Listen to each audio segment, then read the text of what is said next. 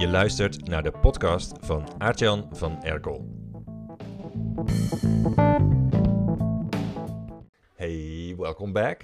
Ik ben terug van mijn vakantie en in deze aflevering heb ik vijf stukjes voor je die ik deze week heb geschreven, omdat mijn boek in juli door Management is uitgeroepen tot zomerbestseller van 2022 op basis van de verkoopcijfers van de eerste zes maanden van het jaar. Daarin was het het best verkochte boek op Managementboek.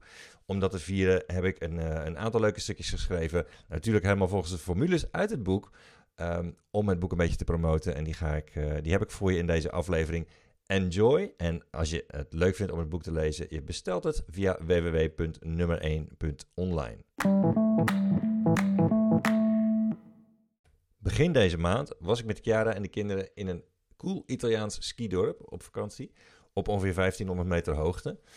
En een van de stoeltjesliften daar, die draaide ook in de zomer en die bracht wandelaars en mountainbikers naar de hoogstgelegen pistes. En sommige bikers die blerkten via een mountainbikepad naast de rode skipiste naar beneden. En die mannen, want het waren allemaal mannen, die droegen integraal helmen, vaak nog met zo'n GoPro helm uh, camera erop, en ellebogen en kniestukken. En ik vind het zelf leuker om tegen, uh, tegen bergen op te fietsen zonder lift. Maar die weggetjes daar die waren zo steil dat ik een elektrische mountainbike nodig had. Die ik moest huren in het dorp. Had ik mijn eigen analoge mountainbike van thuis bij me gehad, dan was ik niet zo ver gekomen op die achterlijk steile weggetjes daar. Echt van die geitenpaden van uh, een uh, procent of twintig. Niet grappig. Maar ik voelde me wel een beetje vies van binnen door met hulp van zo'n Bosch elektromotor omhoog te trappen. Die stoeltjesliftfietsers die waren niet zo Calvinistisch. En die lieten zich met droge voorhoofden naar beneden takelen. Of naar boven takelen natuurlijk. En ze begonnen op veel grotere hoogte dan ze op eigen kracht bereikt zouden hebben. Ze gebruikten gewoon de hulp die geboden werd. Ze namen een oneerlijke voorsprong. En ze hadden een supervakantie natuurlijk. Good for them. Als jij ook niet vies bent van een oneerlijke voorsprong in je business, gebruik dan de hulp die ik je bied in mijn boek nummer 1. Daarin leg ik je namelijk uit hoe je een hogere status krijgt door je marketing en hoe klanten geen genoeg meer van jou kunnen krijgen als je entertainment in je berichten stopt. Nummer 1 is door Managementboek uitgeroepen tot zomerbestseller van 2022. Is zojuist in tweede druk gegaan. En je bestelt hem, het is een poepchique hardcover voor maar 23,99 op www.nummer1.online. Wat je cadeau krijgt als je het boek koopt, is het complete luisterboek door mijzelf voorgelezen. Zet hem op je telefoon en enjoy.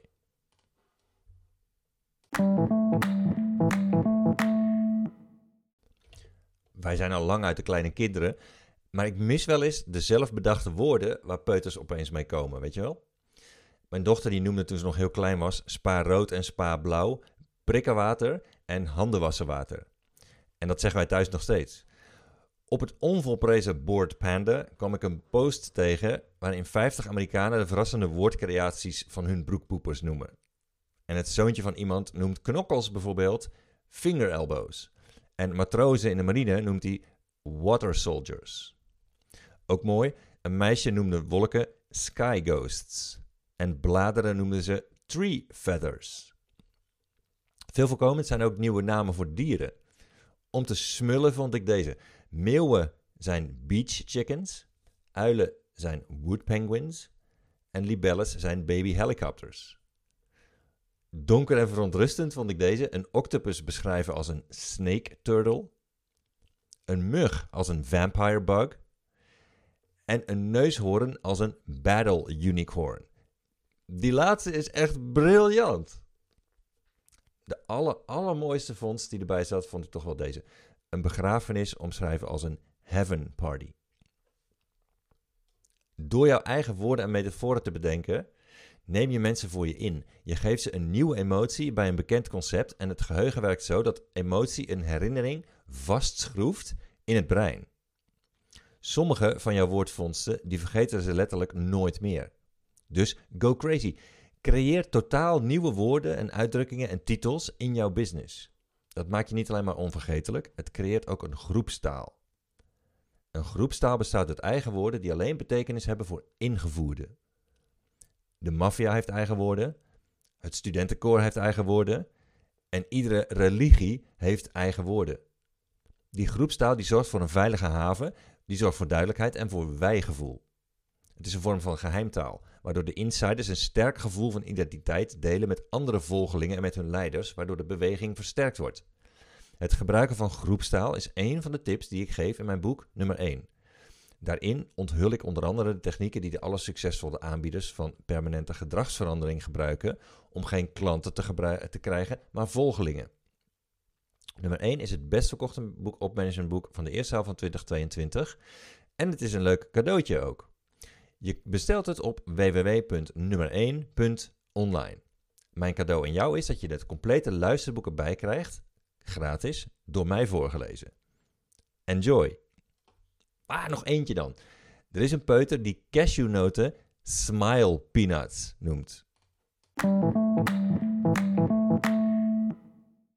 Deze zomer zond BNN-VARA de documentaire serie Boven Water uit. Nederlandse familiebedrijven zijn erin gevolgd tijdens hun doodstrijd om de coronalockdowns te overleven. Een van de bedrijven die zijn gevolgd is een zwaar transportbedrijf dat wordt gerund door drie zussen. Ze gaan volle bak voor een tender die een levensreddende grote opdracht zou betekenen. Veel geld. In de loop van de aflevering zie je de spanning steeds verder oplopen. De zussen worden alle drie individueel gecoacht door een soort bedrijfstherapeut en de camera volgt de kwetsbare sessies waarin de familieverhoudingen pijnlijk duidelijk worden. Tegen het eind van de aflevering komt het belangrijke telefoontje waar ze op gewacht hebben, waarin ze horen of het wel of niet is gelukt om die lucratieve tender binnen te slepen. Slecht nieuws. De tender is gewonnen door een ander transportbedrijf. Na wat pijnlijke stilte zegt een van de zussen: We moeten eigenlijk ook meer, op, meer aan marketing doen. LinkedIn. Dat is het enige dat ze in de hele aflevering zeggen over marketing. Laten we wat meer op LinkedIn gaan zetten.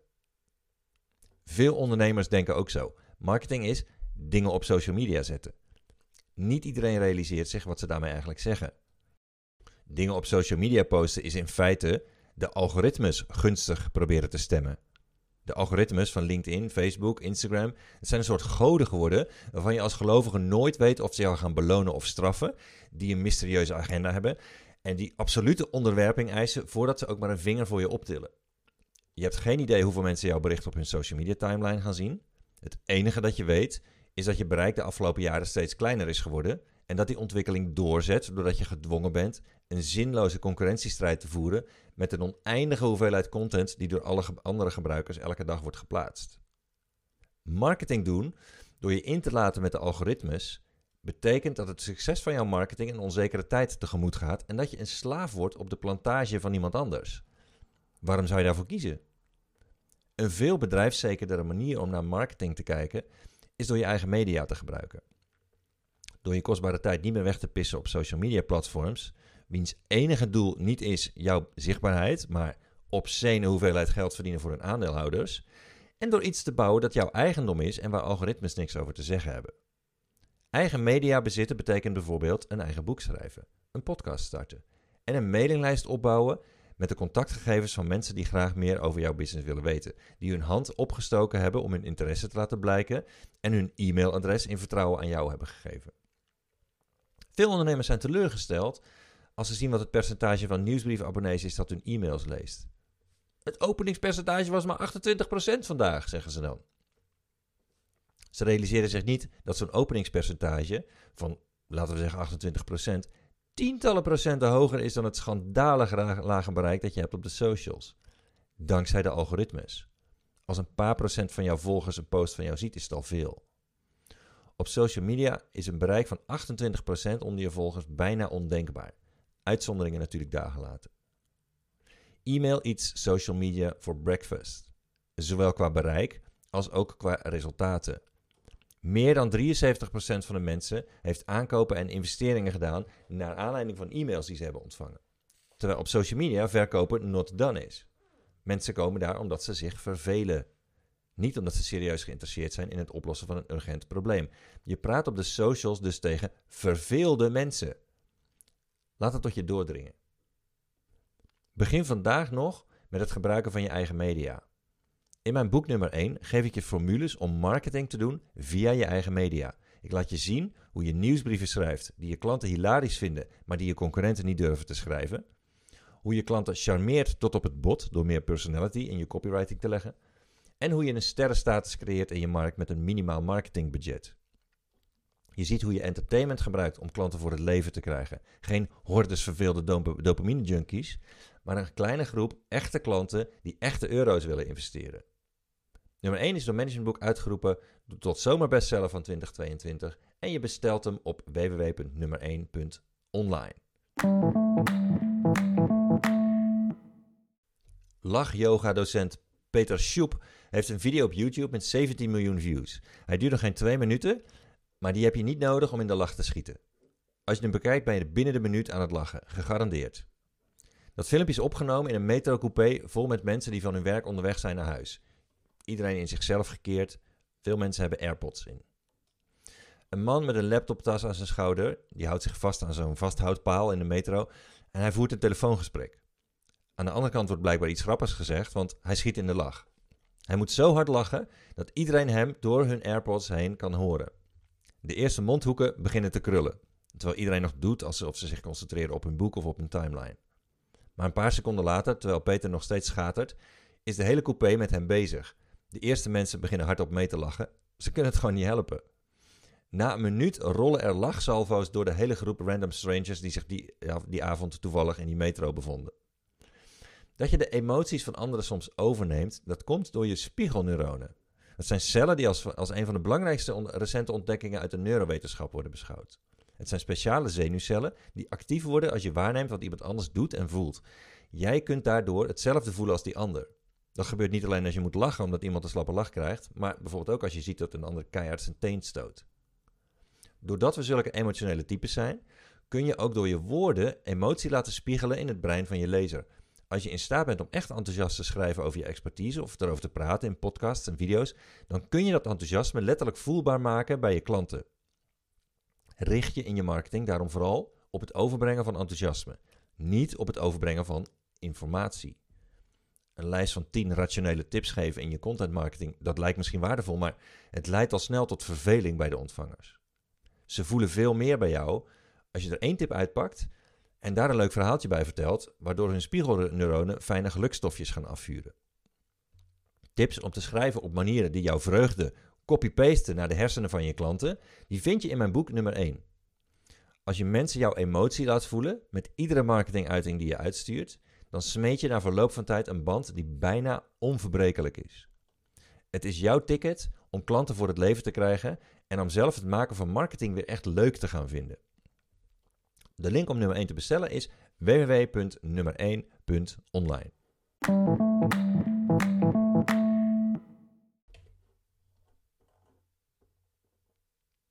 Rick Zuidbroek is eigenaar van Double Smart, een online marketingbureau in de stroopwafelstad Gouda. En een paar maanden geleden schreef hij dit bericht op zijn LinkedIn. Oké, we gaan even iets testen. Het was 1 april en ik was een dagje vrij. Zoals al meer dagen in deze maand. 5 maart ben ik vader geworden en daar wil ik natuurlijk veel van meekrijgen.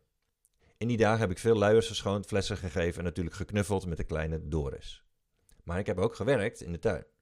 Fanatiek als ik ben, heb ik de hele tuin opgespit, gemest en opnieuw ingedeeld. Want het zou niet meer gaan vriezen, toch? Tot het vorige week ging sneeuwen onverwacht. Je snapt het, totale paniek. Met een schepje ben ik vrijdagochtend heel de tuin rondgegaan om alle sneeuw uit de bakken te scheppen. Zweet op mijn voorhoofd.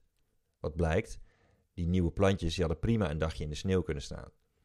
Een waardevolle ochtend met mijn dochter, helemaal in de soep. Ik snap eigenlijk ook helemaal niks van tuinieren. Daardoor stel ik verkeerde prioriteiten en handel ik niet uit kennis, maar uit angst. Hoe vaak doe jij dat in jouw marketingstrategie of onderneming? Oké, maar ik zou wat testen. Waarom dit hele verhaal? Morgen neem ik een podcast op met Artjan van Erkel. Ja, ja, de beruchtste copywriter van Nederland. Hij vertelt dat we moeten stoppen met teachen en moeten starten met teasen. Creativiteit in je marketing brengen door persoonlijkheid in je uitingen te leggen. Door parallellen te trekken tussen alledaagse dingen en jouw business. Dus Artjan, hoe succesvol wordt deze post? De dag nadat Rick dit op LinkedIn zette, was ik gast in zijn podcaststudio in Gouda voor een interview over mijn boek. Hij vertelde dat zijn posts normaal zo'n 2000 mensen bereiken na de hele looptijd, maar dat dit bericht 2000 mensen bereikte na twee uur. Normaal teacht hij in zijn berichten, maar nu had hij mijn boek gelezen en gekozen voor teasen. We bespraken in de podcast hoe lastig het is geworden om via online marketing veel mensen te bereiken. Door privacy-naties, door scherpstijgende advertentiekosten en door de toegenomen concurrentie op de socials consumeren nog maar weinig mensen jouw posts, jouw video's, jouw e-mails. Copywriting is daarvoor een oplossing. Door personality in je copywriting te leggen en je klanten te entertainen, kun je de wedstrijd nog steeds winnen als je goede formules hebt. De formules om ook in de komende jaren succes te hebben met je online marketing vind je in mijn boek nummer 1. Zo word je de bekendste naam in je markt en krijg je klanten voor het leven. Hij is deze zomer op veel stranden gesignaleerd en onder parasols bij hotels Als je ook zin hebt in een leuk boek, bestel hem dan op www.nummer1.online. Het interview dat Rick Zuidbroek met mij had, kun je beluisteren in je podcast-app door te zoeken naar Double Heroes podcast. Double Heroes schrijf je aan elkaar. En het nummer is S1E14. Simon 1, Eduard 14. Goed weekend!